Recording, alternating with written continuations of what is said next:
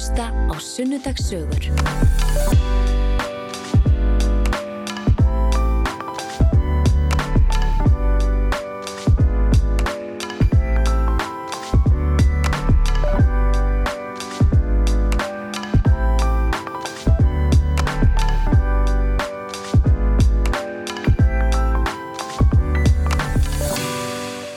Það kom inn gestur í sundarsögur og að þessu sinni er það Lilja Einarstóttir sem er bankastjóri Landsbankans. Velkomin. Takk hérlega fyrir. Uh, já, ég eiginlega sko þekkið ekki neitt, maður náttúrulega sér þig í hérna fréttum og blöðum og svona en, en hérna uh, þú ert búin að vera bankastjóri síðan hvenar? Ég, uh, síðan 2017, Já. voruð 2017, það byrjaði ég. Já, og búin að vera samt í Landsbankanum í langan tíma.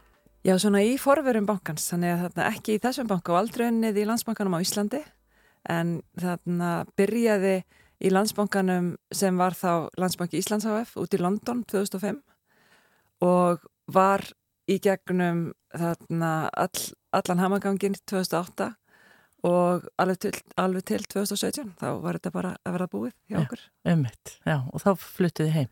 Já, það fluttum við heim út af þessu starfi en líka bara að það var komin tími. Búin að vera úti síðan 99 og það var bara komin tíma að fara að færa sig heim. Já, allir vilja náttúrulega koma heim að loka. Já, já, minna, hér, er, hér eru svona ræturnar, fjölskyldan, vinirnir, æskuvinirnir og maður farin að sakna þeirra allra Já, og bara gott að koma heim og, og svona þetta eru ræturnar manns, þúvan manns er hérna. ummitt.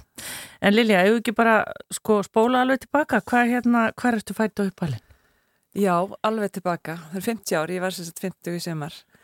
Þannig að ég fætt og uppalinn, ég má segja bara ég sé breyðhildingur í húða, húða hár. Ég fætt í Reykjavík og, uh, og þannig að flutti mjög stemma upp í Breiðholt, upp í Hólakverfi og svo þegar ég var um, 5 ára eða 6 ára þá fluttu við inn í, í í Seljakverfi og ég bjóð þar alveg alla mína esku. Já, þannig að þú ert svona berst fyrir breiðaldinu. Ég berst alveg fyrir breiðholtinu, breiðholti rennur bara í blóðinu og ég elska breiðholti, þetta er frábært, frábært hverfi. Einmitt, og ég kannski maður hefur talað átt við fólk um þetta, þessu reiki sem þú ert að það var náttúrulega bara endalust af börnum hana. Akkurat. Já. Við vorum, uh, gatan sem ég bjóði, ég held að það voru 13 eða 14 hús og það voru 2-3 krakkar í hverju húsi og það var bara, það voru samtólar því að það voru allir að byggja og þetta verði þeim að flutti inn og voru ekki dyr í, í þarna gödum, það voru bara einhver hengi og Já, það var alltaf verið að byggja, alltaf verið að hræra steipu og alltaf ykkur samtólar og við vorum í bílu og þeim og svo var róló og svo vorum við þarna svo var leikja, leikjahópur þess að við vorum að koma út allir krakkanir í öllum húsunum og þarna við vorum að fara í stórfiskaleik og eina krónu og, og bara alla þessa leiki hann að einhverja, hvað heitir það þarna þegar maður frís já, einmitt, það er hérna eina króna. myndast, Ég myndastuttuleikurinn já. já, og svo var bara svo var bara svona endalisi leikir og svo var kannski svona eitthvað skona stríð við göttunni fyrir neðan og svo var stóra brekkan sem er fyrir ofan hagasel fyrir neðan uh, brekkusel held ég, að- held ég að heiti og þar var alltaf verið að renna sér á, á þarna vetuna Já, og ég elska svona at og bara gaman að fór út í snjóin og, og maður var hérna alveg framöndi miðnætti og norðurljósinn og þetta var alveg frábært Já. og móin svo fyrir neðan ég sé Lilja að þú ljómar alveg. Já, mér fannst þetta rosa. Já. Það á allt svona úti vera og, og mér fannst þarna svolítið skemmtilegt sko. Fatt að því ég var svona 12 ára þá var vinkunum minnar orðna smáskullur og vildi ekki vera lengur að renna sér og mér þótti það bara svakalega gaman.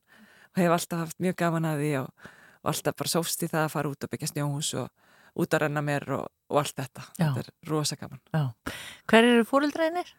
Þau heita Jóna Gunnarsdóttir og hún er kennari og er fætt líka í Reykjavík og fóreldra hennar áttu gróðrastöð hérna, gróðrastöðna grænulíð við bústaðaveg sem er bara hér rétt hjá Já. ég var alltaf í þessu hverfi þegar ég var krakki ég var alltaf hjá Emma og, voru að vinna þar Já.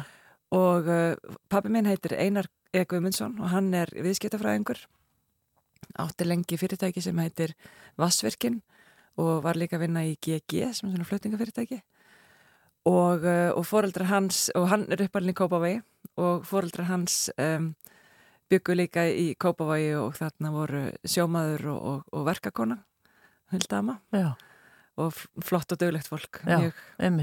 En hérna, þannig að, og varstu, ertu þá með græna fingur? mjög. Já, já, já, ég er náttúrulega búin að fara í já, já, ég, Sko ég byrjaði að vinna þarna hjá Ava uh, í garðirkinu, Ava ömmu og þá aðla hjá Ava, hann sótti mig og við þarna, eða við fórum saman, ég fór í vinnuna til hans í grænlið og við kerjum saman upp á kjóavelli bara það sem er bara nákvæmlega það sem að þarna smárin er núna Einmitt. er kórin, þetta er ekki kórin Kórakverfi. bara akkurat þar fyrir neðan er, er landi sem við rektuðum og, um, og þar, þar var að við að rekta græmiti og, og selja í verslanir hérna í Reykjavík og, og þannig ég fór með honum og ég var að hjálpa honum að planta og koma sér niður. Það var fyrsta vinna minn ég var tíu ára. Svo vann ég bara öll sömur eftir það í tíu ár um það byll uh, með svona pínuliklu myndatæningum þá vann ég öll sömur í garðirkjunni Já. og þarna já, ég er bara þekki blóminn mér finnst hann að selja. Mm. Selja til fólks uh, plantur og ráðleggja og, og þarna enda svo bara á því að, að skrá mig í garðirkjuskólan og það er að sé að fara bara ákveð að fara í garðirkjunám Já. sem ég reynda að kláraði ekki Nei, en svona, en, en það var bara leiðin láð þangað Já. ég fannst þetta alveg rosalega gaman að Lilja Einarsdóttir var með svona sorgarendur í gummistíðulum. já, já, ég heiti náttúrulega Lilja Björk Já, Lilja og blóm og tré Einmitt. Og, þarna, og kannski var það eitthvað tilvísun í garðirkjuna, ég veit það ekki því það er bara út í loftið Já, einmitt. Þau eru væntalega látin ammaðinu afi eða hvað? Já, eru, þau eru öll látin um, því miður og dói svolítið ung um, þau hann amma við kópavænum og uh, svona bara þegar ég var tvítug um það byll og uh, amma mín þarna leiði nú leiði lengst og afi minn Gunnar hann dó líka svona um það já, fyrir ansi mörgum árum síðan en amma Totta í þarna í græni hlið hún, hún lés bara 2017 Já. bara núna, hún var sérst, með Alzheimer í ótrúlega mörg ár og lést bara 13. april 2017 sem er akkurat þarna 13. april dagur sem ég flutti sérni nýju höfustöðunar, mér þátti vendum það Já, það hefur verið sami dagur. Já, það bara hitti þannig Já, einmitt. En hérna, áttu sískinni? Já, ég á þarna yngri sískinni tvö ég á um, bróðir sem heitir Guðmundur Heiðar og hann vinnur í, hann vann lengi svona með pappa í, í vansverkjanum í pípulagningum og þess aftar og er núna byggingastjóri og, og vinnur við byggingar og er mjög flottur strákur, mann elskur og hérna, mjög vinnamarkur og sýsti mín Dagbjörn Erla hún uh, er lögfræðingur og er lögfræðingur hjá Reyin fastegnafélagi og sama mjög, þannig hún er yngsta sískinni þannig hún fara að vera svona skemmtilegust Já. Og ég held að ég taki bara það alveg gefi henni þann titil, hún er lang skemmtilegust af okkur, leiður okkur áfram. Vá, hún verður ánað að heyra hún verður þetta. ánað að heyra þetta, ég veit það. Ég er líka ábyrga stóra sýstirinn Já, óþálandi skipulögð og, og stjórnsöm og, þarna, þannig að þau svona gera grína því líka já, einmitt. En hérna, hvert leitaði hugurinn? Þú segir sko, þú veist, svona, já, svona dugnaður í þér, vildi vera bara út að leika þér í alls konar leikjum og veturnar í snjáþúttu og, og vinna svo í gróðrástöðunni og, og gaman að selja, ég tók eftir því, þú sagði það. Byrjaði þarna smá svona Já, viðskipta áhugi? ég, nei, ég held bara ekki reynilega ég, þarna, ég held að hann bara ekkert byrjað þar mér þótti bara gaman að tala við fólk sem hefði áhuga og þarna, það er líklega bara það sem ég tek út úr svona sölunni. En þannig að ég var aldrei, aldrei svakalega viðskipta kona en þannig að ég hefði gaman að starffræði og var góð í starffræði, var mjög góður námsmaður alltaf. Og uh, bara sérstaklega bara líka öflug í starffræði og hugsa alltaf að ég þyrti bara að halda fram að læra það. Já, og var samt ekki það góð í starffræði að ég er í starffræðingur ég er svona praktískur starffræðingur já, og þarna og hafði rosalega gaman að bókaldi eh, hagfræði uh, bara svakalega góða velrita ég verð kannski ekkert tíma góður ritari. Ég hugsa að það er alltaf plan B.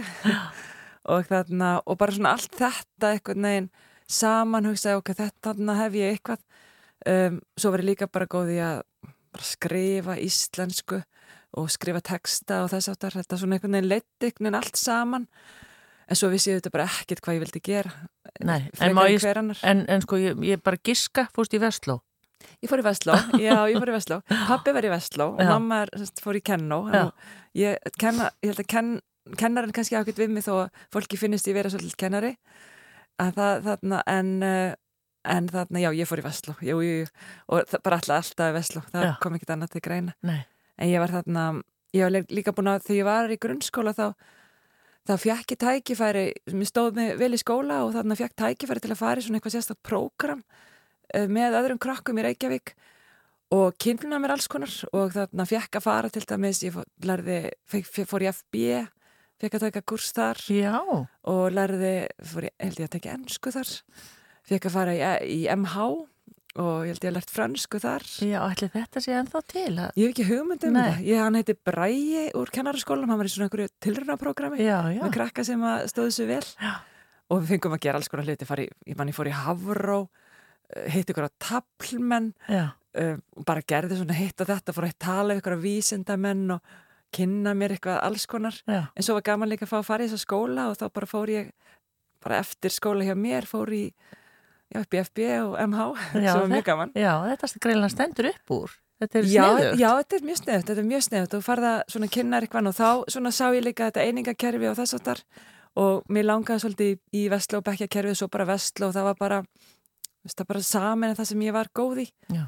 og þannig að maður lærði svona, tóku sér, sér valfug í seljaskóla, ég var sérst í seljaskóla þegar ég var barn og, og var, byrjaði sérst fyrsti, ég fyrsti árgangur sem útskrifaðist alla leið, það bara opnaði skólinn þegar ég byrjaði sex ára bekk. Já, þannig að hann er alveg upp í tíundabæk. Já, já, hann var nýjundu bekk þá mamma var að kenna í seljaskóla þannig Já, að já, ég bjóð hérna í öldurskóla hverfinu Já. og vinni minni voru þaðan en svo seljaskóli var skóli minn og þá náttúrulega nýjir vinnir þar líka. já, já, já. Og er þetta vinir sem þú átt enn í dag, Lilja? Já, já, já, við, ég var nú í þarna, var bara í ferð með vinkunum mínum þar sem að einn þeirra er sérst, vinkuna sem ég satt við hliðina á fyrsta daginn í sex ára bekk. Já, er það? Já, já, svo bættist hún í hópin og, og svo leiðis en þarna, en já, þetta eru vinnir sem að já en það í dag og bekkurinn minn var helst saman alla tíð og við vorum bara svona 10 pluss mínus ein, tvær stelpur alla tíð og en samt alveg 25, 28 krakkar og allt eitt strákar og frekar óstýriláttu bekkur Já, og þarna þannig að við vorum svona lítill stelpuhópur og við höldum alveg sambandi, við erum kannski hittumst ekki oft en við höldum alveg nægilega miklu sambandi til þess að bara detta strax inn í gamla fasan. já, hlæja svolítið. Og... Já, já, já, það er alls konar sem að gerist. Já, en hvað hérna þannig að þú tekur þá stúdispróf úr Vestló? Já, nákvæmlega, ég fór bara beint þangað eftir grunnskóla og tók stúdinspróf þaðan og, og þá þarna, og, þarna þá, maður fór svolítið óvinnilega leið, ég þarna, ge- eins og segi, gekk bara ágætlega þar líka og bara lappaði út með eitthvað verðlaun og, og þarna, og, og þarna átti bara gott, mjög góðan námsferil í Vestló. Varstu Það þá ekkert í félagslífinu, Lilja? Bara læra? Já, bara algjörlega, bara læra, öll föstaskvöld, algjörlega, neini, neini, ég var almáttur, ég var sko algjörlega mætt í þarna alla viðbyrði og, og Öll partí og- Já, já, já, já, heldur betur og mikið sko, mér er mjög gaman bara að vera í svona, skemmta mér og vera í partí og, og svona keira stemmingun í gang. Já, og rosalega gaman að því og alltaf svona stemmingskona já, og þarna, já, já, ég var alltaf, alltaf á fulli, ég var ekki alveg á fulli í félagslífinu en nógu mikið, tók mikið þátt. Já, og þannig að svo var ég alltaf að reyna að komast í kórin og, og vísa frá hann að fyrst ég komst ekki, en svo komst ég loksins. Ég held alveg lægi en ég er ekkit góður söngvari. Ég get svona, svona raula í kór Já, en vákvæði þetta hefur verið strátt, því yfirleitt er bara það var- fegin að fólk nei, vil. nei, nei, þetta var alltaf nefndamóti, þetta voru síningar og það er bara, það er Já. ekkit það er ekkit bara hleyft inn en maður getur haldið, haldið lægi og bara fyrir var oft í kótikátt situr bara í mér en þá syng það mjög illa Já. það var mitt, mitt fall En Lilja komst í kórin. Ég komst í kórin, já, já, já, ég komst í kórin og við sungum sönglingin Tommy Já, og svo útskrifaðist ég semst, já, úr, úr Vestló og fór þá bara ekkert alveg beinu brautina. Þá var ég, semst, vissi ekki alveg hvað ég vildi gera eða ég bara hafði ekki hugmynd um það. Og þarna en svona þannig við sömari þá var ég að vinna hjá venna frenda og Ava, Vernari Gunnarsson. Þannig hann var, hann er garðurkjumæður og tók svo við ekstrinum hans Ava í græni hlýðu og svo storð og núna út bí laugarás og um, hann þarna, hann hjálpaði mér að svona að svona negleita niður og, og, og, og mér langaði að fara í þarna, ekki að vera garki fræðingur heldur að vera skrúðgarskju meistari Nó. og sko upp, loka markmiði var það að vera landslæsa arkitekt já, og þá hugsa ég, ég færi náttúrulega bara erfiðu leiðina og er, er fyrst skrúðgarki meistari svo er eitthvað að tekið mark á mér þegar ég færi í arkitekturinn og færi að tala um verktakana já, Þannig ég myndi bara vita hvað ég var að segja. Og þarna, og, og þarna byrjaði því og, og fekk nemasamning og, og þá þurfti ég að fara safna í plantubók og allt þetta til að komast inn í Gerðvíkskólan. En byrjaði bara nemasamningnum og hann hjálpaði mér að fá nemasamning hjá Reykjavíkuborg. Þannig ég fór í það eftir Vestló. Og þá var ég bara komin í hérna gallan hjá Reykjavíkuborg og, og lærði þar að klippa tré og þarna og leggja hellur og, og allt þetta svona þetta stóra í garðinum þannig að ég hef tekið nú við nokkrum garðin síðan og umbreytt þeim bara Vá. hjá mér Þetta er ba mér. bakgrunns upplýsingarinn um Lilji Björk Einarsdóttir bankastjóra. Já, já, já, þetta er alveg hérna og þetta er alltaf þetta at, sko, maður Já. sækir alltaf í þetta, maður er að taka við ykkur verkefni sem er, sem er bara kannski svona frekar óyfirstíganlegt og það er alltaf að gerast það er endalist að gerast og, og þá bara þá bara byrja maður, maður svona byrjar að hugsa hvað vil ég og svo bara vinnur maður þetta áfram og þarna og ég þarna já þannig ég fór og vann hjá Reykjavíkuborg og svo var ég bara eitthvað tíman ég man að ég var upp á korpu bara rétt fyrir jól í desember. Ég óð snjó upp að þetta var sko, ég er nú hávæksin þetta var bara upp á næstuð í mitti alveg mið, bara ofalega á lærum. Og í stáltáni sem er náttúrulega langt fyrir neðan og svo bara með vélsögina í hendinni og var að klippa tré langt fyrir ofan hausin á mér. Og þannig að þetta var alltaf tíma, maður var rosalega sterkur líka, líkamlega, Já. mjög gaman. En þannig að, og ég var bara, vá að, hvað ætli ég að gera þetta lengi? Er þetta það sem ég vil gera? Og fórst þá svona í janúar, februar fór ég svona að kynna mér ok, hvað, hvaða nám vil ég fara í? Er það þetta sem ég ætla að gera? Er þetta málið? Og þarna, og byrjaði bara aðeins að kynna mér og ég fór, talaði við fólk og bara spurði þekkir auðvitað sem er að læra mér langar að læra eitthvað í kringu starffræði eða eðlisfræði eða bara eitthvað, eitthvað, eitthvað. Og þarna talaði við einhverja prófessor, ég manni fór henni læknandil, talaði við einhvern líffræðing eða lífælisfræðing og talaði við einhvern sem var að, í eðlisfræði og einhver mann sem var að rækta, var að segja mér þetta að rækta appilsin úr saltvatni og þetta var svakal áhugavert. Og þarna svo bara svo hitti ég stráka sem að þarna uh, stráka sem sögðu mig frá bara Lilja kondi verkfræði. Og þarna ég bara, bara já eða nei, ég veit það ekki. En vinkon mín fór svo í verkfræði það vel á yfirnaði verkfræði og þetta ekki virtist bara blanda rosalega mörgu saman þetta nám. Já. og mér leist bara ágætlega á það. Og þannig að, svo, þannig að hún bara samfærið mig, vinkonum mínum að, að drífa mér þetta nám með sér og við fórum saman í um haustið og þannig að þetta var nú svona sérkennlur hóparinn í er eiginlega allt strákar á þessum tíma, við tvei búið að breytast. Já, einmitt. og þarna við fórum í verkvæðinu og hún hætti eftir viku. Og ég satt eftir. Og, og þarna svo man, jú, ég held, jú, það var þarna um hausti þá leist mér bara ekkert á þetta, ég sá ég átti ekki þetta. Ég var illa undirbúin starffræðilega ég kom úr Vestló og það var, núna hefur þetta gjörbreyst. Vestló er frábær núna í starffræði og elisfræði og ég sé það bara á krakkanum sem er útskrifast en þá var þetta ekki svona gott Nei. og ég var bara, ég átti ekkert í MA-ingana, MR-ingana, MH-ingana FB-ingana, bara sama hvaða skóla þú nefnir ég bara var enga veginn undirbúin. Nei. Ég hætti strax, svona eftir svona tvær vikur, seldi alla bækurnar. Þannig að vinkonan hætti eftir viku og já, þú eftir tvær. tvær, já, seldi alla bækurnar, fór í viðskiptafræði og, þarna, og byrjaði að læra þar og þá sá ég strax, ok, þetta er ekki áskorun fyrir mig hérna sem ég þau að gera hér í starffræðinni, ég, þetta kann ég allt og bara, mér leiðist bara strax. Og, hérna, og bara með fullri virðingu fyrir viðskiptafræði og viðskiptafræðingum það var bara einhvern veginn ekki ég, ég fann það bara þarna, þarna ég var bara aðeins of ég var bara að læra aðeins og lítið. Já. en þarna einhvern veginn það vildi ég áskorunina og fara bara og vera þá bara neðsti, neðsti gókunaröðun og vita minnst og reyna að vinna mig upp. En þarna ég hjælt hjælt nú samt að ég geti vingað þetta bara. Þannig ég seldi afturbækunar í viðskiptfræðinni keipti afturbækunar í verkfræðinni og þarna og hjælt þetta út. Gekk ekki sérstaklega vel því að fallið í hérna tveimur tveimur af fimm prófum fyrstu önuna og þarna og bara veist, það, hvað er ég að gera? En þarna og kannski bara svolítið hróki í mér. Ég get bara, ég kann ég er búin að vera svo góður námsmaður alltaf, þarf ekki að læra mikið ég, ég kann þetta alveg og bara svona virkar þetta og jú, ég vinga þetta. Og ég man að fór, ég fór að tala við Egert Brím sem kendi mér starffræðigreiningu fekk tvo einhvern og ég þurfti að ná fjórum, sko, Já. tveir er bara stafar nafni, Já, trétt já. og hérna og sem ég gerði vonandi þarna Þetta hefur verið reynsla, ég sé Já, það. heldur betur, sko, ég hérna, ég þurfti svolítið að kingja stoltinu, heldur betur og hérna fór að tala ef hann og maður fekk svona prófsýningu. Og það var bara engin leið að hýfa upp þessa engunum neitt. Það ég er bara, ok, hvað ger ég nú? Ég er bara skráði mér endurtekningapróf svo bara læri ég. Og hérna ég talaði við stelpur sem voru hérna í verkfræðinni og ég man að það komur FB þannig og e, allavega einn þeirra hvernig, hvernig lærið þið fyrir starfræðgreiningu hvað er það að gera og hvernig gerir þetta? Og ég bara fekk hjálp hjá þeim. Og svo bara þrjumaði mér í gegnum sko þetta ár. En ég, þetta er ekki alveg eina prófi sem ég fjalli í samt. Nei. ég hérna, það var líka eitthvað sem ég átti að vera lögum með og hérna og örgulega kannski á öðru ári sjálfsagt líka en þarna en þetta fór svona að ganga betur maður fór svona að læra. Já, læra bara- að læra. Læra að læra, já, og þetta og það var bara þannig, ég lærði bara alla daga frá morgni til kvöld sem maður var að læra frá til miðnættis, fössutum hlugan 23, hætti maður að læra og það voru vísindaferð og það var bara svona svakalega stuð og gleði.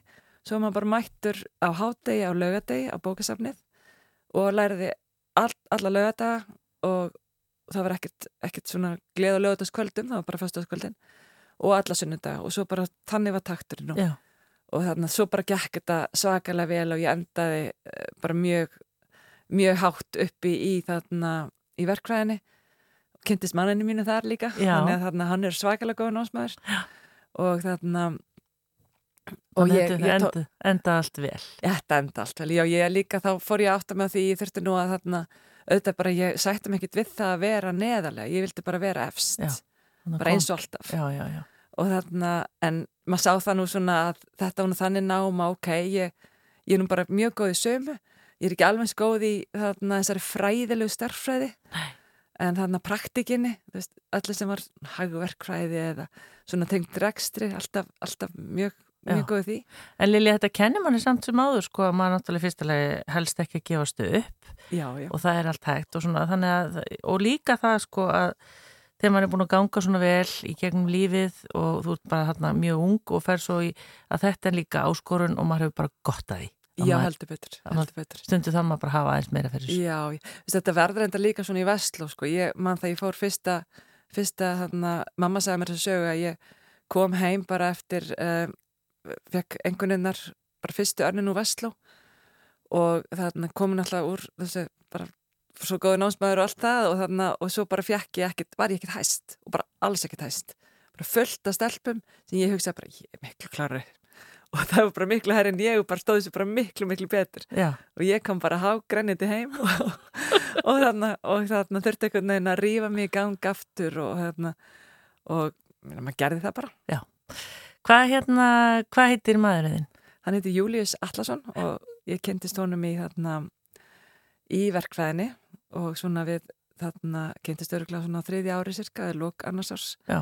og hann eru árbænum. Hann er á árbænum Já. og var hann þá hérna að hjálpa þér að- fyrst hann var svona góðu námsmaður? Já, já, sko, ég veit, jú, við lærðum saman, sko. Já, við lærðum saman og við þarna en vorum svo bara svona saman í verk, verkefnum og höfum bara sitt, sitt hvora styrkleikana Já.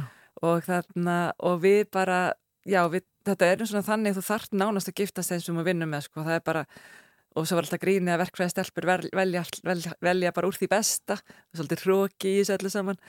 Og velja bara úr verkfræðingum og mjög mörg hjónaband innan verkfræðinar já, já, eins og bara verður þegar maður er saman allan sólarringin einmitt. en við bara lærðum saman og eins og segja, höfum svona hvora styrkleikana. Og þarna og svo var bara hópur þarna krökkum sem að eru bara mínir, mínir þarna mínir bestu vinir í dag og við lærðum alltaf saman og það voru allir að, að svona hjálpa, hjálpa hver öðrum en svo er þetta alltaf einstaklingsnám líka, þú verður þarft að skila sjálfur, skilja sjálfur því svo í prófunu það situr bara einn. Já, en útskrifuðustu þá saman, Lilja? Já, já, við maðurinn? útskrifast, já, við útskrifast og heldum hvað útskrifta þetta veistli, er vorum þá byrja að búa saman og, og, þarna, og lítið bann komið í magan Já, einmitt. við útskriftina. Já, og þið eigið þrjú börn? Já, og þarna, við hefum þrjú börn og fyrsta fættist þarna, um, sóli mín fættist uh, í januar eftir að við útskrifumst, Hvaða árið þetta? það er 99. Já. Og við, og við þarna vorum, þess að eftir útskrift þá fórum við bæða að vinna og svo með það í huga að sækja um skóla og komast til náms í bandaríkjunum og það tók svolítið tíma að sækja um og þarna vinna við að gera það, þannig að það var jú internet Já, í þessa daga en það var, þetta var er allt semst um kringum aldamótin. Já, Já. Þetta, er, þetta er 98 um, 98 uh, voru við að útskrifast að með minnir. Já, uh, það passi ekki, jú, 93 jú, 90 jú, 98 og hérna já, svo, svo og þá erum við bara búin að ákveða þá vorum við búin að ákveða að fara til náms í bandaríkjunum og voru svona að finna út úr því. Og náttúrulega bæða fyrir nám Já, og uh, voru svona sirka að fara í samanáminu ég vildi fara í eitthvað svona meira rekstrar og fjármáli, fjármál tengt verkfræðinni. En hann var svona meira að hugsa um, svona aðgerastjórnun bestun og þess áttar um, tengt verkfræðinni. En þarna, þannig að ég var svona meira á viðskipta hliðinni þar. Já, og, og svo vorum líka tvö að leita námi og þannig að það er alveg, það er alveg flókið, þeir kalla þetta two body problem í, í bandaríkjanum það er svona tveir að fara í sama skóla. Já. Og þarna Býða eftir því hvort þið komist inn og allt þetta, þetta er já, svona- nákvæmlega. Og Já. þarna þá skiptir máli náttúrulega að hafa klára námi vel og þú veist, þér rankið, hvar ertu með við alla hina, það Já. skiptir máli. Já. og þann, þá erum við um, þá vorum við bara að sækja um og hann var að vinna í landsbókanum Já, já, Já, hann var að vinna á það sem kallast viðskiptastofa. Hann fekk vinnu þar og, og um, fóru svo mörg í fjármál sko úr þessum verkfræði hóp já, og hann fekk vinnu þar og þarna, við vorum þar svo kvöldin að svona rannsaka skóla. Ég er náttúrulega að vera kassólétt ég var líka að vinna hjá já, og, um, og vorum svona að rannsaka saman skólana og búið til umsöknunar og svona undirbúið allt saman. Já. Og þannig fengum svo, fengum svo svar frá, frá nokkrum og, og hann fekk síðan, hann var svona að leita þessu, þessu fræðlæri nám, hann fekk hann bóðum að fara í mastersnám eða doktorsnám já, já, já, og hann, hann ætlaði bara fara í master en hann ákvað svo að fara í doktor því hann fekk mjög góðan styrk og, og þannig við fórum út til Michigan, Ann. Arbor já, já. Byrju, hva, hvar er það nákvæmlega? Hva, hva, Michigan er, þetta er svona Midwest, þetta er um, Detroit, Já, er já, stóra já. borgin í Michigan og einmitt. svona við hinn endan á Michigan inn að, inn að þarna uh, inn að vesturströndinni, þetta er bara miðjum bandaríkjunum, þar leikur Chicago Já, einmitt. tekur Chicago við já. og þetta er svona þessar að tvekja stóru vatna Þetta hefur verið bara svolítið stórt verkefni. Já, ég hérna miskildi hendur alveg, við vorum bæði hérna, við sáum það að Michigan leikur svona svipumst á Barcelona, Já, svona nattfræðilega já, en gerðum ekki ráð fyrir þess að því að það er engi fjöll og bara vindurinn blæs beint frá Sýberíu inn í, inn í Michigan og það var mjög hérna, gaman að vera en skýta kuldi á, á vetuna en stilt og fallegt og, og allt það en þannig að bara æðislegt, æðislegt að vera þarna já. En hvernig gerður þetta svo með barni í máunum og í fullu námi og svona? Er þetta ekki flókið? Jú, við sko, við erum alltaf bara að tvekja manna vinna, við vorum tvö og þarna, og við bara unnum vel saman sem hjón giftum okkur rétt áður við fórum og þarna sem bara er nöðsilegt að maður ætlar að fara til bandaríkjana en giftum okkur auðvitað af ást Já, já, klárlega, já, já, en dagurinn var vissulega valinn til þess að vera búinn áður við færum. Og hérna og um, svo gerðum við þetta bara saman. Við fengum, vorum, hvað vorum gömul 20 og ég líklega nýjórn 26 ára hann 23, svona tveimur árum yngri en ég en það eru teljast þrjú ár því hann ámæli svo sent árunu já, einmitt. og, hérna, og fengum þannig íslenska óper með okkur sem var þá bara samaldra við aðeins yngri. Og um, svo kom tengdamamma líka út því að óperan var nú óperin og fóbrödd sig rétt á nátt að koma. Þannig tengdamamma dreif sér út og hjálpaði okkur að koma okkur fyrir. Við fórum bara bókstælu út með sagt, sex ferratöskur, fengum auka farangur vindsang, brúðköpstellið sem okkur var álægt að taka með því að fólki sem hafi ílengst í bandaríkjunum takið með það sem fáið í brúðköpskjöf tókum brúðköpstellið með okkur sem við fengum skrítir ráð. Nei, ég held ekki, því annars væri það bara upp í skúfu 20 ára setna og ég myndi aldrei nota þannig. Svo átti ég bara fínt stella á þakkakjöru hattíðinni og á sko tjaldborðinu sem við keiptum, Já, já, sem við dúkum. Við fengum húsnæði hann í bandaríkjanum og svona stúdentahúsnæði, því vorum með batn og, og þarna svona townhouse heitir það og uh, já, fórum bara með vindsengina sem við pumpum upp og, og þarna og brúkastellið og bara batnið og vagninn og svo bara eitthvað neginn djöflaust við sko, við tölum aftur fyrsta daginn, fyrst við leiðum hann af það getum við allt, sko við glemdum að batna að drekka, já. við vorum svo upptekinn Vá. svo hún bara fætti litum á hann og hún bara þögul og eldrauð og sjóðandi heitt og þannig að þetta var eitthvað neginn og við, við komum hann og sett fórum eitthvað hótel þegar við mættum það var nú einn íslendingur hann úti sem var svo elskulegur að taka mót okkur og keira okkur á þetta hótel svo ætlum við bara rölt á stað og stutt að fara. Já. Engar gangstjættir í bandaríkjunum bara það skríti fólk sem lappar á þessum stað í Detroit það er bara, það er enginn að lappa þetta var í, þetta var í Ann Arbor mjög fallegur háskólabær það er engar gangstjættir og við með vagnin að sækja hérna bara liklan á húsinu við þurftum að kaupa bíl þá þurftum ég að taka, að taka bílpróf og ég þurfti að taka bílpróf því hann var ekki nú gammal til að leia bíl. Já, hérna hér. og þannig að ég, þannig að ég tók bílprófið og, þannig að, og kefti bíl. Og svo bara svona byrjuðum við í skólanum fórum í orientation og aðra orientation. Og þóttum náttúrulega mjög skrítin hjón með bann í námi bara hvað er að ykkur? Já, lífið er að byrja og þið eru bara hérna. og algjörlega ósérhæfð líka. Við vorum bara svona, ég fór í fjármálverkfræði og sem var þá bara nýtt nám og þekktist ekki mikið sem fer svona, fer svona þvert á marga námslínur. Í verkfræðinni lærði maður svona ímislegt um statistík og, og ja, svona processes, stochastic processes heitir það.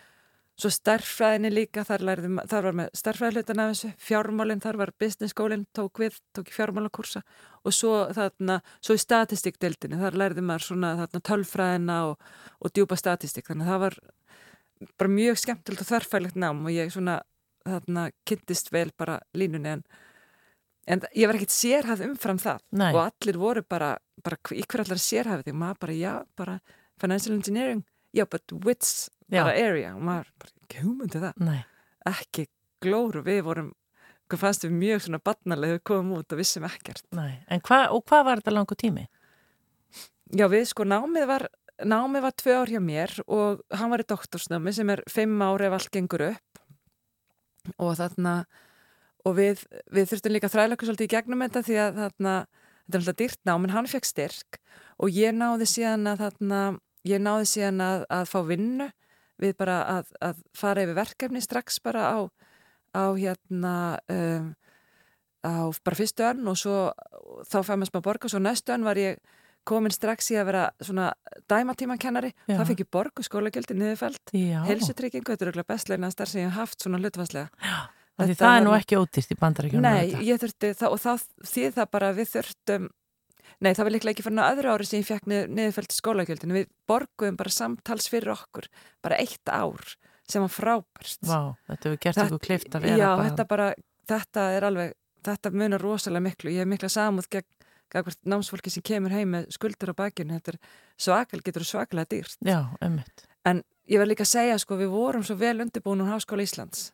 Vorum bara frábærlega undirbúin undir námið og stóðum mjög vel, vorum bara með allan grunninn á, á hreinu og, og að hafa Háskóla Íslands, Háskóla Reykjavík hérna bara við bæjadirnar og geta farið nánast frítt svona í samanbyrði í gegnum það nám og tekið svo master erlendis, það er náttúrulega bara lífskeiði. Já, Þannig að við vorum hann svolítið lengi úti á og, og þannig að ég kláraði mitt nám en var ólétt sko þegar ég kláraði. já, já. Þannig að það er barn nummer tvö. Það var barn nummer tvö, það Já. er um Björgvin sem fættist í, í, í Michigan Já. og er bandarísku ríkisborgari fyrir vikið. Er það þá 2000 og 2001. 2001 er hann fættur? Já, Já. og þá fær maður sko, ég hafði áhugað því að vinna eftir þetta og þá fekk maður ári svona practical training, það sem maður fær atvinnuleifi í kjálfarnámsins og það búið lengi þetta með skilst í þrjú ár núna.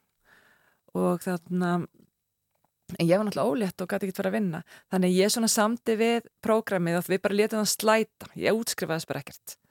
Ég bara klára allt, allar einingarnar en bara útskrifaðist ekki. Og Mm. var bara hjálpað gerði heimasíðuna þeirra og svona þarna var að vinna aðeins fyrir þau bara meðan ég var að, að þarna býða eftir barninu. Og svona aðeins eftir að, að barni kom. Og svo útskrifaðist ég bara ári setna og þá, þá var ég búin að sett, nýta veturinn líka til þess að ná mér í vinnu sem var endar ekki alveg auðvöld. Nei, emmitt. En hvað ár sem sagt flytið þið þá frá bandaríkjunum? Hvað, hvað, hvert eru við komið þá? Já, þá við, við vorum hana til 2005 Já, og þá fluttu við frá bandaríkjunum og þá vorum við svona svolítið búin með bandaríkjun. já, og þá til Breitlands. Já, já, það var bara fyrir valinu og kannski út af því, við vorum að hugsa um að fara til uh, kannski til uh, Danmerkur eða, eða Breitlands voru svona velta fyrir okkur hvert vættum að fara vorum ekki alveg klári að koma til Íslands strax. Og svo var bara úr að ég var sérst að vinna hjá, um, hjá, fyr, hjá Ford Motor Company í, í Bandaríkjónum og, uh, og þarna bara þarna á, á í Dearborn við hljóna Detroit. Og varinur að vinna var, var starfsmæður fyrirtæki sem heitir Marcel McLeiland sem er svona tryggingarmiðlar um allan heim. Og það fyrirtæki var með uh, var með starfsum í London og líka Mercer sem er svona endurtryggjandi. Það var líka með starfsum í London og líka Oliver Wyman sem er í sömu samsteipu sem var svona um, ráðgjafafyrirtæki og til að flytja til London þá vissi ég hvað sko við fjölskyldan þurftum að afla á hvernig tekna til þess að geta búið, við vorum ekkert að, að búið í miðborginni en til þess að geta fengi hús með litlum gardi fyrir krakkarna og þau geti lappað í skóla sem væri hverfiskóli, ekki engaskóli þá þurfti ég að hafa ákveðinlaun og þá þurfti ég að fá vinnu hjá sagt, það döði mér ekki að vera hjá Mars eða Mercer, ég þurfti að fara hjá Löfuvæman og þannig, þannig ég fór og, og náði fjekk vinnu þar en þannig en svo bara því ég var á þessum þvælingi þá saði tengdamamma mér frá því að landsbankin væri eitthvað að gera í London. Hún saði, hér talaði við landsbankan og bankastjórun þá hafi kent mér í, í verkfræðinni. Hver var þá bankastjórun? Sigurjón Arnason og Haldur og báði bankastjórun Sigurjón kendi mér og kendi okkur í, í þarna verkfræðin eitt kurs sem var mjög skemmtilegur, hægverkfræði og þarna þannig ég þekkt hann aðeins og, og þarna hann ég ringdi í hann og hafði samband og, og ég fekk síntalegið mitt þarna á bara munum hvar við vorum því að við áttum bara eitt farsíma, vorum í krónunni hérna upp á höfða og ég var inn í búðinni eða krónunum héttur eitthvað annað. Kannski hefðum krónar þá, ég maður það ekki alveg. 2005, öruglega og þannig að við áttum bara eitt farsíma og þannig að Július tók síman og hann alltaf þekkti líka Sigurjón. Og, og Sigurjón hindi, já, er, já, er Lilja að leita vinnu, já, já ég ætla að bjóða henni vinnu í, hana, í London, já, hún getur komið og unni hjá okkur og, hana, en ég get ekki búið ykkur báðvinnu, en hvað ætlaðu þú að fara að gera? Og hvað ert þú að fara að gera? Og svona, tók samtalið og, og hann var hann bara í frí ekstar og, og þarna þetta var semst gamlarsdag eða þetta, 30. kannski. Og þarna og svo bara einhvern veginn gerði þetta svona. Svo fór ég bara að hitta starfsfólk hitta fólk sem var í London og það var að opna skrifstofuna. Og byrjaði þar með svona halv óskrifa blað. Já, og þarna er Lilja svolítill uppgangur, ekkit svolítill, bara mikill. Já, rosalega mikill, þarna er við við erum að byrja svona, við byrjum skrifstofuna bara í í svona þak uh, svona í þak skeggi á banka sem bankin átti í London. Heritable Bank. Og þetta var svona þarna, hún var kannski fjög, fimm komin þegar ég kom. Og ég var svona átti að eitthvað neina að ná skipulagi yfir þetta og hvað er að, hvað er að gera og eitthvað neina að reyna að, að ná nefn áhættu þættina og þarna eða útlána áhættu þættina vorum aðli í útlánum. Og svo bara átti að byggja upp starfseminna og þannig að allt er góðið með það og svo bara svona flutti flutti bankinu og það gerist allt svo rætt samt finnst manni svona það var svo mikið sem gerist að hlita að vera lengri tími en, en það var það ekki, svo var, voru við komin sem sagt 2008 í oktober þá var þetta orðið 200 manns bara í þessum banka. En svo var líka búið að stækka alla aðra starf sem er kaupa tvö önnur, önnur félög til viðbótt verið þennan banka sem var til og útubúið þetta var orðið og, vorum, vorum, já, og ég var í byggingaverkefni þannig að, að uh, klára sagt, að, að alla flytja útibúið og, og bara alla starfseminni inn í eitt hús. Og það var gert þar fyrir 700 mann starf og við vorum kannski 500 á, á þessum tíma. Í öll, öllu byggsinu í held Þegar þú hugsaði tilbaka, Lilja, frá þessum árum bara, segjum við þessi hrun ár og þessi uppgangur hérna fyrirfram og er reysastóra partíð og Íslendinga geta allt og svona, hvernig svona þú horfið tilbaka af því þú ert búin að vera veginn begge vegna borsins, hvernig lítur þetta tímabill? Sko þetta er, þetta er þarna, kannski klísi að segja, þetta er auðvitað reynsla en við vorum, sko það, það var allt svo ungt og ég hafði sko ég hafði þarna ákveð hlutverkan í London og ég var svona að halda utanum starfseminna og smá saman að vinna mig upp og var án framkvæmdastjóri í London og þarna og en samt ekki með yfirsýnina en ég alveg fullan skilning á því hvernig hlutinni virkuð eh, en ég vissi allt um það sem við vorum að gera. En svo bara auðvitað, þarna svo ég minnist nú á það bara í orðið ISF kom svolítið í fangið á okkur bara eftir hrun. Og og þarna því það var, því var styrt annar stað frá þó það væri á samt á ábyrð útibósin sem var svona eftir að heikja eftir að heikja ó, mjög óþægilegt og kannski aðeins skrítið en þarna en við þurftum svo bara að díla við það. En svo þarna eftir svona þegar þetta gerðist það er þarna, þá fattaði mér það hvað er hvað, hvað skiptir miklu máli að standa sér vel. Og, og við vorum hann að koma með allt í hennu meiri háttar þjóðhagslegt vandamál í hendunar sem að, þarna, sem að þurfti að leysa og, og ég, ég man ég það var bara svo rosalega margt sem gerist á þessu tíma, það er efni tveggja tíma þátt. Ekki að fara í það. Kanski skrifa Lilja Björk einastóttir einhvern tíma bara bókum að, ég, stu, ég veit ekki, mér leiðast rosalega þessar hundbækur og ég hérna, mér er bara, ég hálgeri áfallastreitur öskun en þá yfir þessu því að man, þess, það var rosalega margt sem að, maður var að gera og, og En kannski það sem stóð upp úr var að það var, það var rosalega réttlætiskend hjá manni, maður ætlaði ekki að láta taka okkur.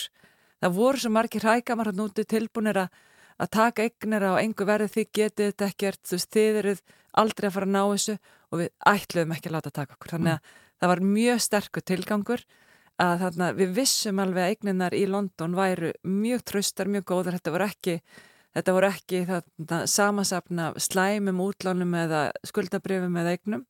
Það voru bara fínustu, fínustu kredit eins og maður kallar það svona að þarna, kannski í bankanum alltaf. Og þarna réttlega til skemmtum við að láta ekki taka okkur, bara sem íslendinga, bara sem þjóð og, og sem bara bankafólk þann úti.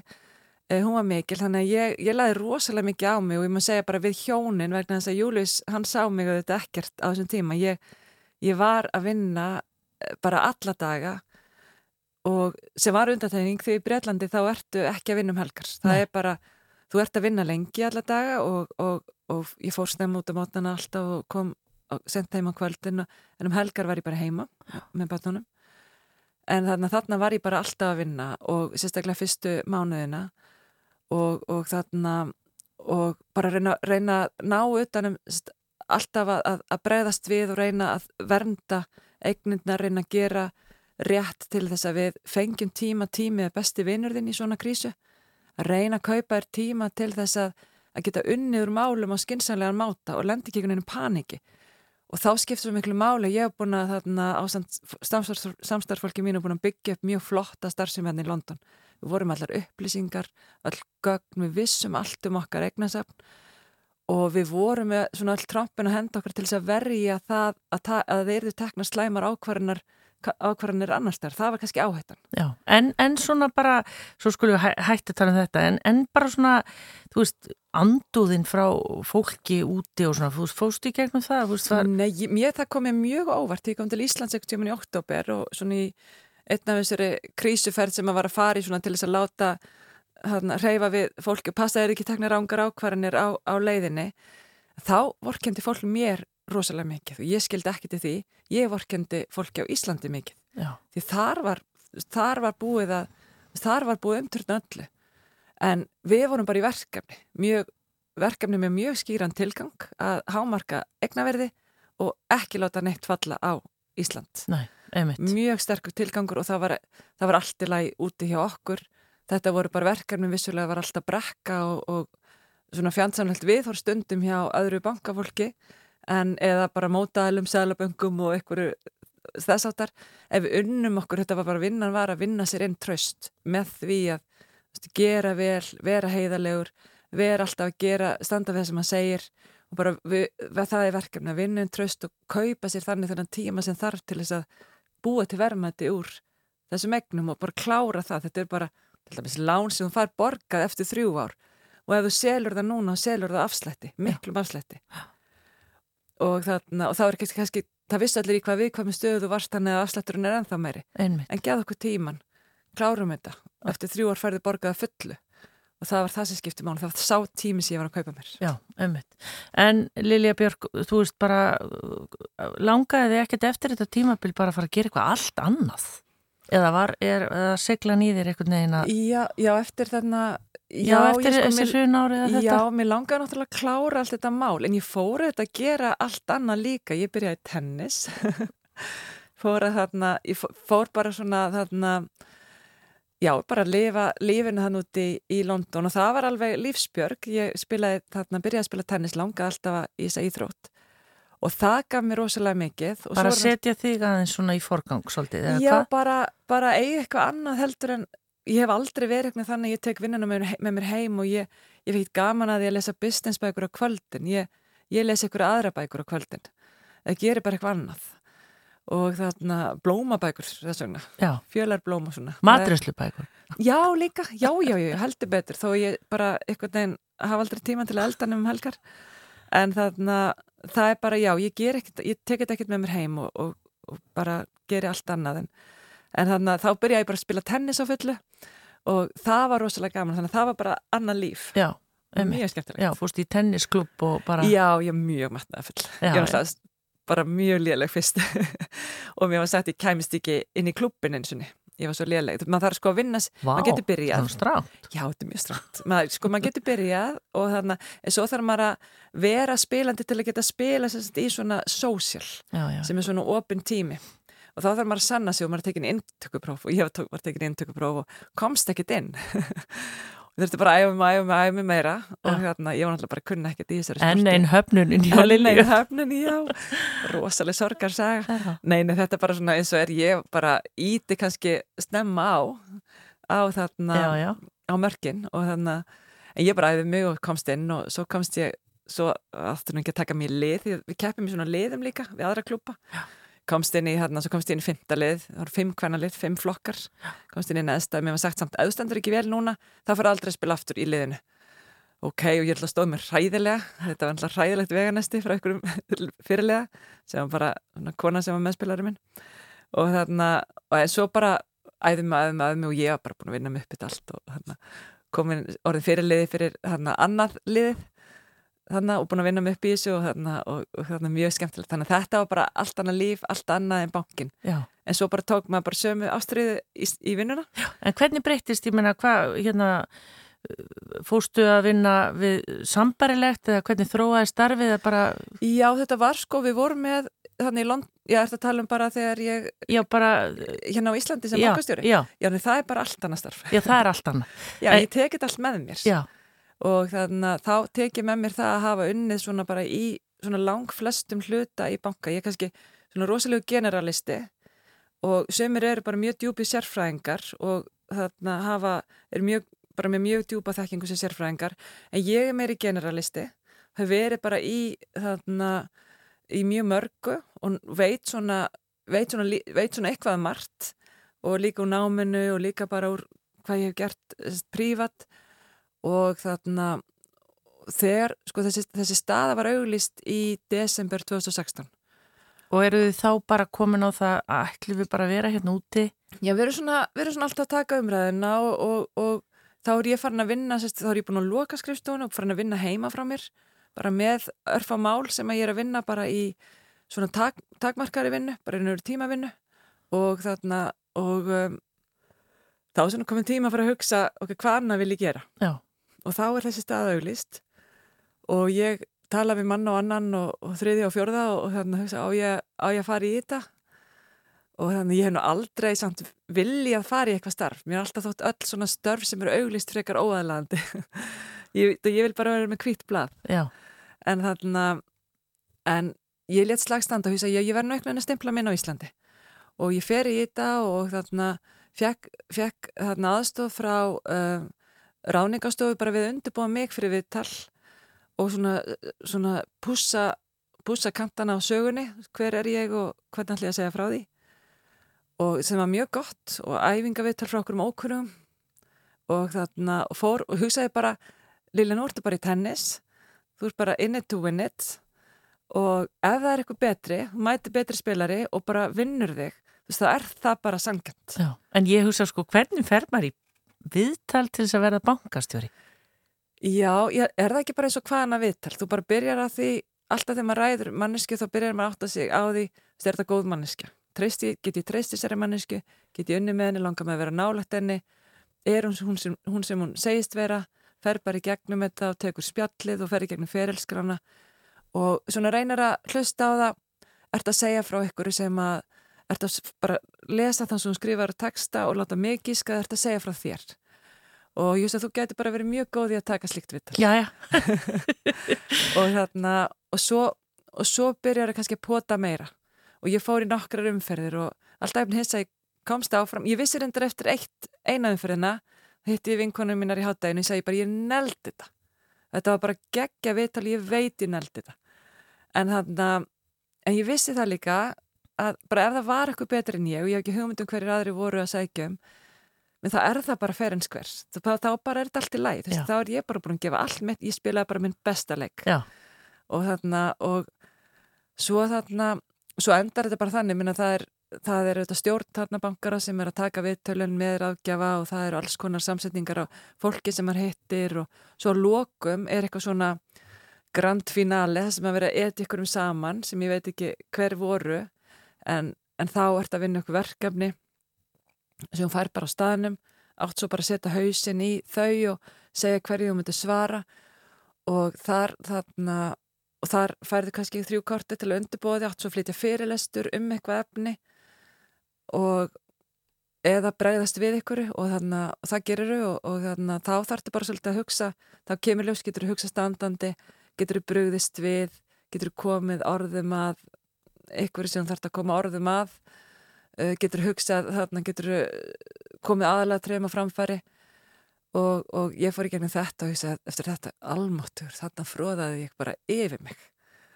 Og þarna átti ekki vona að fá starfi fannst mér eftir þetta, mér fannst bara mér fannst einhvern veginn sko bara trú í öllu sem ég sagði. Ég var ekki alveg viss, þetta var bara svo, var svo það var svo mikið einhvern veginn í gangi hjá manni. Já.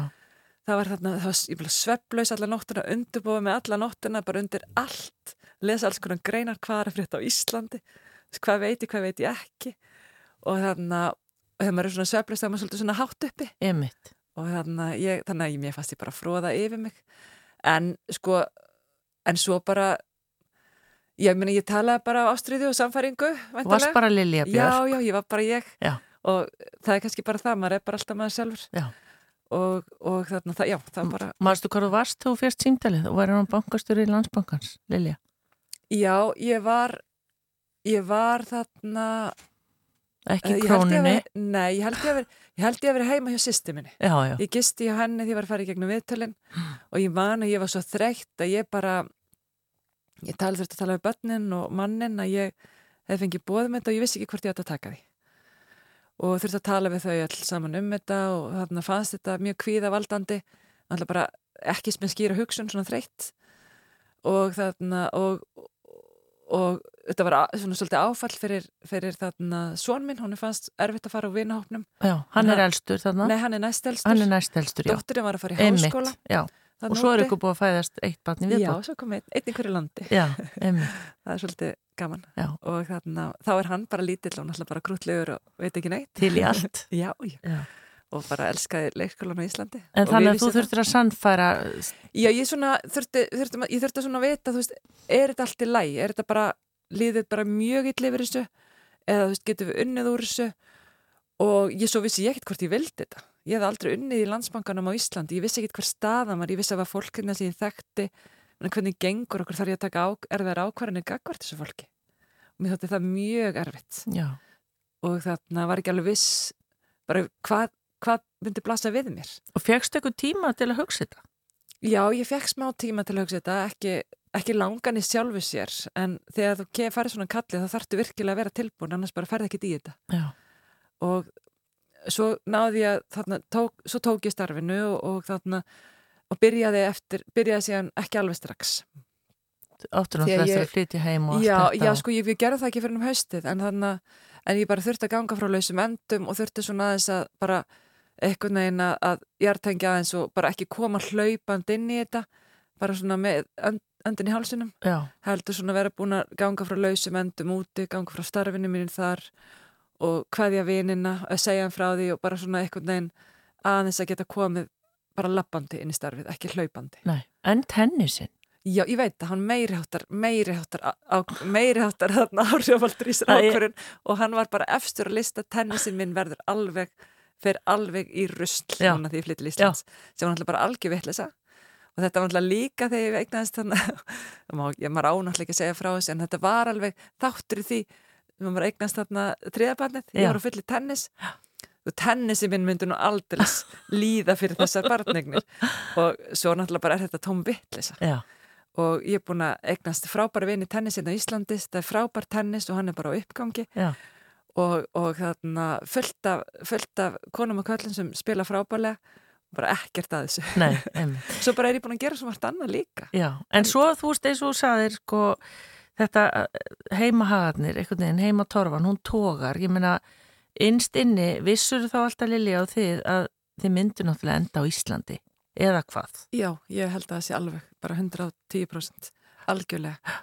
Við þarna við, sko, bara þegar við værum tilbúin við vorum svona aðeins að draga okkur úr þessu lífskeiða kappleipi sem var þarna myndast bara rétt fyrir aldamótin. Já, og þess vegna vorum við ekki tilbúin 2005 þá var náttúrulega alltaf söðupunkti hér einmitt. og manni fannst það og, og þegar maður fyrir til Breitlands að þá er þetta allt öðruvísi. Þá eru, en það er, það er öllum sami hvernig sófa þú situr og hvernig sófa orkla heima hjá þér og, og hvort þú situr þessu fötum með heinum, þetta er bara mismunandi týpur. Það er bara svo rosalega marga mismunandi týpur að það skiptir ekki máli. Það er engin að spá í þessu. Er það gömlum bíl eða nýjum bíl bara gott fyrir því að þú ert á nýjum bara gott fyrir því að þú ert á gömlum það skiptir engu máli við erum meiri svona hjarðhegðunar þjóð. Já, svona, það er bara, þetta er svo lítið samfélag, það er svona smá, svona kapplaup að einhverjum lífsgæðum sem er ekki lífsgæði. Já, Þetta eru bara, þetta eru bara efnisgæði. Það er svona vináttan og, og samveran sem skiptir máli. Auðvitað eru sögumar á fulla hlaupa eftir alls konar hann úti líka. En, en það er bara, það var aðeins öðruvísi taktur og maður gæti aðeins tekið þessu út úr þessum takti. já, Það einmitt. var það sem svona, við sóttust eftir uh, 2005 þegar við ákvæmum að fara þá frekar um, ekki til Íslands þá. Nei. Við vorum ekki tilbúin. En vinahópanir, ég menna, byðu þeir bara alltaf, þú hafður auðvitað hitt og þið, Já. vinnina, þú veist, þið komið til Íslands og svona, en var bara plásið í sófanum tilbúið? Já, veistu það, það er líka, það er líka bara þannig að, að uh, þegar maður er að fara, já, maður verður að, að rekta þetta er bara eins og hvaðana, maður verður að rekta og ég held alltaf sambandi og ég var alltaf að þarna, bara alltaf þegar við komum til Íslands þá heldum við sambandi við vinahópana og uh, og fórum, í, fórum að veiða með einu vinnahóp og hittumst alltaf jólinn og, og sömurinn vinkunahópunir þannig að þetta var bara rektað bara eins og hvað annað og hverjunu vinnáta. Þetta var náttúrulega til þess að ég fór til dæmis ekki á östfyrði fyrir en ég var orðin bankastjóri. Við ferðumst ekkert um Ísland í 20 ár. Nei, Við vorum bara í vinahýttingunum Já, og, og þess áttar þegar við komum til Íslands. Já. Svo fór ég bara, ég er reynda búin að hanga á östfyrðum síðan, það er rosalega gaman að ferðast um landið. já, En við fórum ekkert í svoleiðis leðangra fyrir en bara núna. já. Og eru þið þá með tjaldvagn? Já, við erum með tjaldvagn, fengum okkur tjaldvagn og erum búin að þarna ferðast vítt og breytta landið. Já, og bara þá Og- li, litli með Já, bara litli með, jú, því ég er náttúrulega ekkert að draga hinn í tjaldvagnin. Nei, En þannig að svo bara gerum við hluti saman sem fjölskylda en þau eru bara eldri en litli kemur með og þau eru þá bara með vinum. Það eru svona marg, marg vinahjón sem hafa eignast líka svona eitt, svona þarna eitt í lokin, já, einmitt. eitt konfektmál í lokin og þarna og þá erum við að ferðast bara með fólki um landið og Og hvað gerir þið? Er það að ganga eða er það... við erum bara, já sko við förum bara, já í tjaldvagn og erum bara í útilegu og já það eru ykkur að litla göngur, það eru hérna, ég fer í, ég er í gönguhóp sem að er bara konur sem er nýtt, mér er rosa spennt að vera búin í hann og Er það æðislegt. fjallganga eða? Já, það er svona, það er svona fjallganga Já, en þegar við fyrir mér útilegu þá, já, þá er bara, þá er bara við samveran, útilegir, stutt ganga kannski bara svona sund. bara í kring, já, sund, þú veist, allt þetta sem er svo gaman, bara að vera, skoða náttúruna og ég hérna, við erum með regluna að elda svolítið veðrið, þess að við förum ekki, ef það er brjála veður norðausturlandi þá förum við ekki þangað, þannig að við elda svolítið veðrið því að maður sér alltaf eitthvað fallegt þegar maður fer, sama hvert maður fer og mér er alveg saman þó ég sjá þetta vissverð, það Já. er bara alltaf leið. og margir segast nú hafa kynslandinu svolítið bara í COVID. Já, það var heldur betur tíminn til að ferðast og við vorum bara í tjaldvagninum. Ég fór með þess að hugsa bara á ég að flytja austur til Egilstaða. Það er svo gott veður. og af hverju var höfuborgin ekki byggð hér? Já, Það var náttúrulega geggja sumar. Algjörlega. Annað COVID-sumari fyrir austan. já, það var bara... Rósalega gaman. Já, það er bara hérna dásanlegt. En hérna, svo er þið líka, sá ég, ég er náttúrulega búin að fóra aðeins í hérna, njósna leðangur, þið er líka skíða fólk. Já, það er, já, einmitt.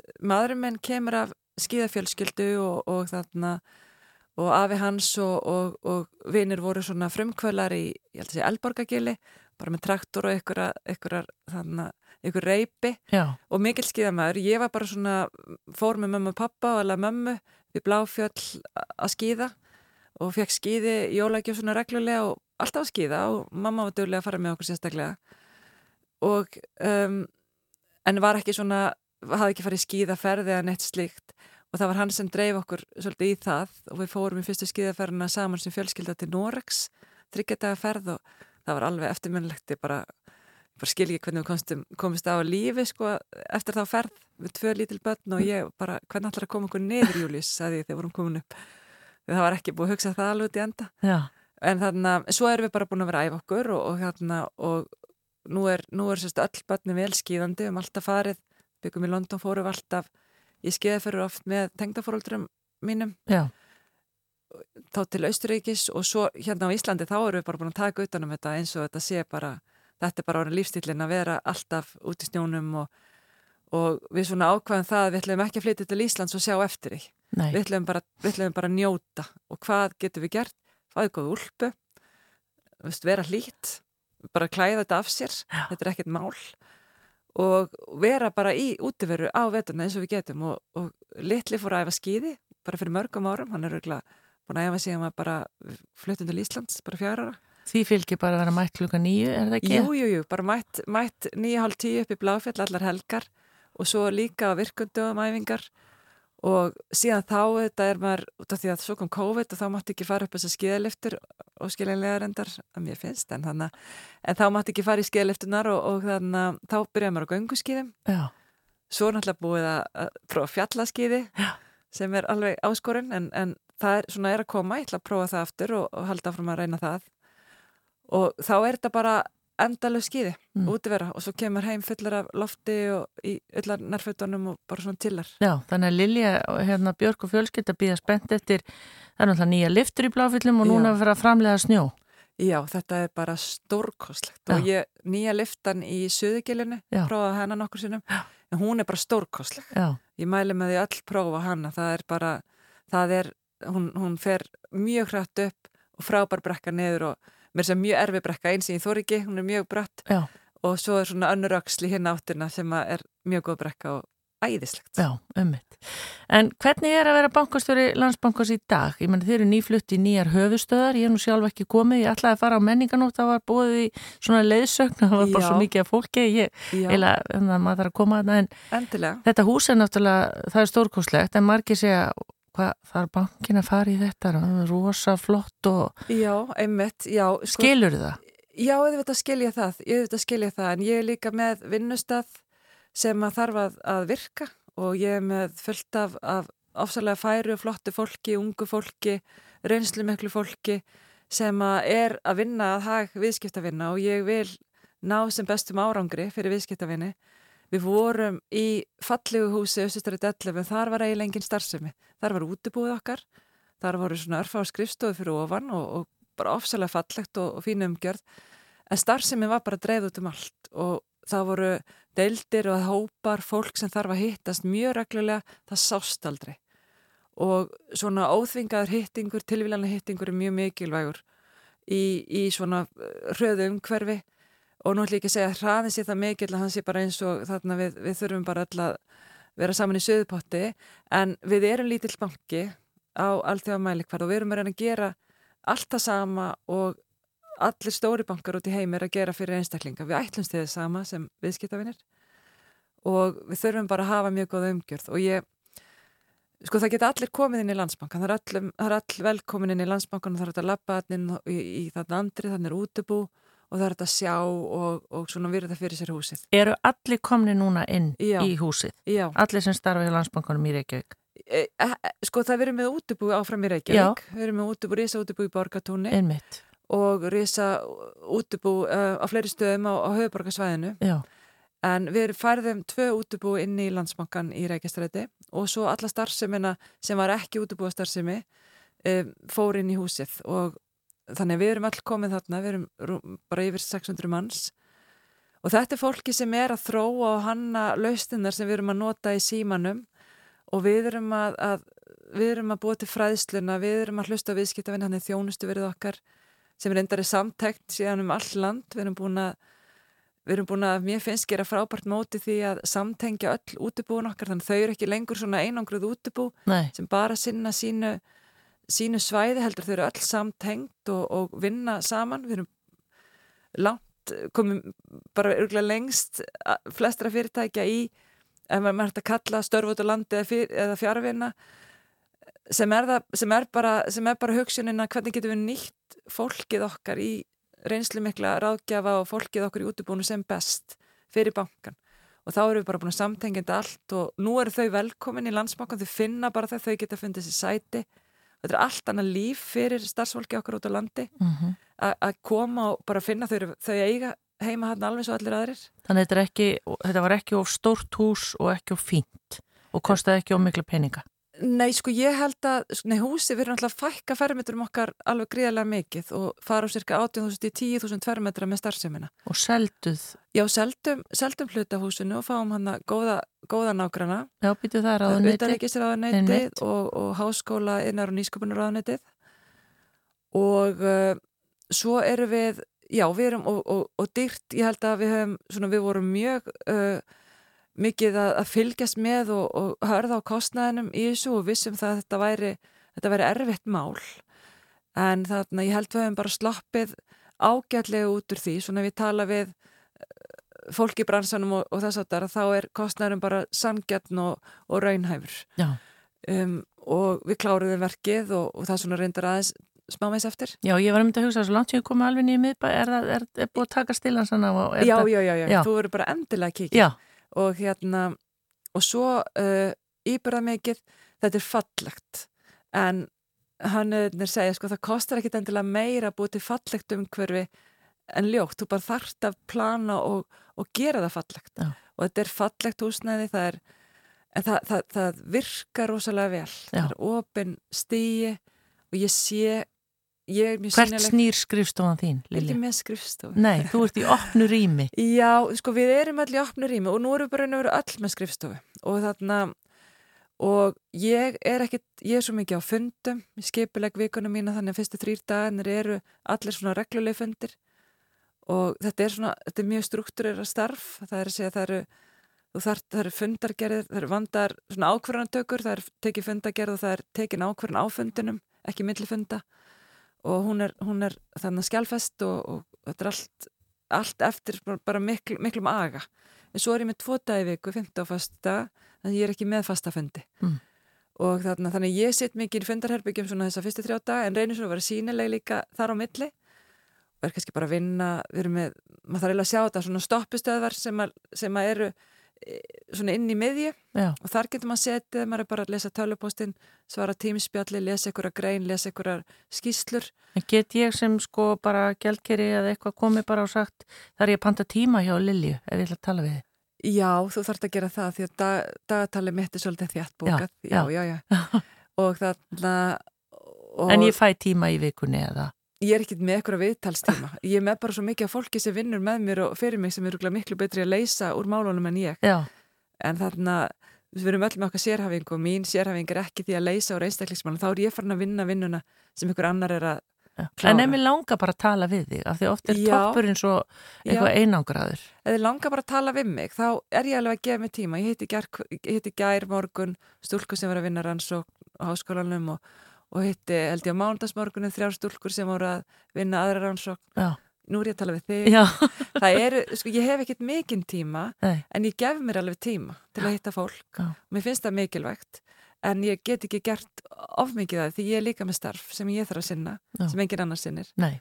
og það er svona stjórnun og stefnumóta bankans og sjá til þess að við séum að starfa bara í samræmi við samræmi við lög og reglur og, og reksturinn sé góður en við séum líka færast ykkur átt Já. En hérna bara svona því að nú alveg að síða og setni hlutaninn hjá okkur Lilja Björk Einarsdóttir, bankastöri landsbankans er, ertu glöð? Er þetta skemmtilegt starf? Finnst þið gaman að fara í vinnun á mótnana? Já, ég alveg algjörlega og mér finnst mikilvægt að, að þarna, mér finnst mikilvægt að vinna á góðum stað, tilgangurinn með starfinu, finnst mér skýr við erum búin að vera svona í að vinna með tilgang landsbankans og við skilgrendum hann inn á við, að vera traustur banki fyrir farsæla framtíð. Og það, það segir mér rosalega margt að þannig fyrirtæki vilja, vilja landsbanki sé og vinni og starfi. Og svo skiptir öllu máli líka starfsfólkið. Með hvaða hóp vinn ég? Og ég, ég, vil, ég vil vinna með jákvæðu fólki fólki sem er þrautsegt, gefst ekki upp fólki sem næra árangur, fólki sem er líka segir sína skoðun og við erum að, að þarna, við vinnum vel saman, við erum bara mjög um, já, við erum bara mjög, mjög heitla hópur, það er alls ekki laus, laust við gaggrinni hér og þar í, í hópnum við, við tökumst á. En þarna, mér finnst rosalega gaman að mæta í vinnuna, mæti með brós og vör alla daga. Og, en já alveg, ég hef átt slæma daga og þá þarna og þá er nú gott að svona hugsa hvert, hvert er plan B. Já, ummitt og það, það kemur nú ekki oft fyrir en er, ég veit ekkert hvenar, hvenar áliti snýst gegn mér það er svo utanfrá og það, það getur verið bara afl sem er óviðræðanlegt fyrir alla að, og, þá, og þá getur það bara enda það bara á mér og það getur verið eitthvað sem gerist eitthvað sem gerist í starfseminni og, og þannig að ég veit það að það eitthvað neginn getur orðið bara óviðræðanlegt afl. Já, og þá tekur þú bara þann slag. Já, tek slagin, sko ég, sko maður þarf að svona átta sig á því bara hvernig slagurinn verður, maður reynir að, maður reynir að maður er að taka erfi ákverðun og hugsa geti litið í speil og er þetta rétt, er þetta að gera rétt, er þetta í samræðum með tilgangbankans, er þetta, er við, bara er við að gera rétt? Og það þarf að, þetta er bara svona grunn, grunnurinn í þessu að, að vera að gera rétt og þannig að við verðum, við verðum að taka alls konar erfiða umræðu. Meina, akkur, akkur bara rukkið enga vexti, þið græði svo mikið. Akkur, akkur er það rukka þjónustugjöld? Við þurfum að Við þurfum að taka allt þetta því við þurfum að reyka bankan, við þurfum að vera til staðar til langstíma, við þurfum að styðja fólk, styðja aðunuvegi áfram. Við, við erum að gera, að gera okkar allra besta fyrir land og þjóð en þarna, það er ekkit alltaf þannig, fólki finnst það ekkit alltaf. Og það getur verið auðvitað flókið og þarna en, en bara áskorun og, og sífælt áskorun þannig að maður verður svolítið að líka hæja á sér og, og, og passa sig vera með sjálfur og þarna en bara hafa gaman í vinnunni er alveg svakalega mikilvægt en, þarna, en það er líka gaman að standa sig vel og við sem banki viljum standa okkur vel þá eru stolt. Ummitt. Látu þetta vera loka orðin Lilja Björk Einarstóttir, bankastjóri Landsbankans. Takk fyrir kominu í Sunnundasögur. Gangið vel. Takk hella fyrir.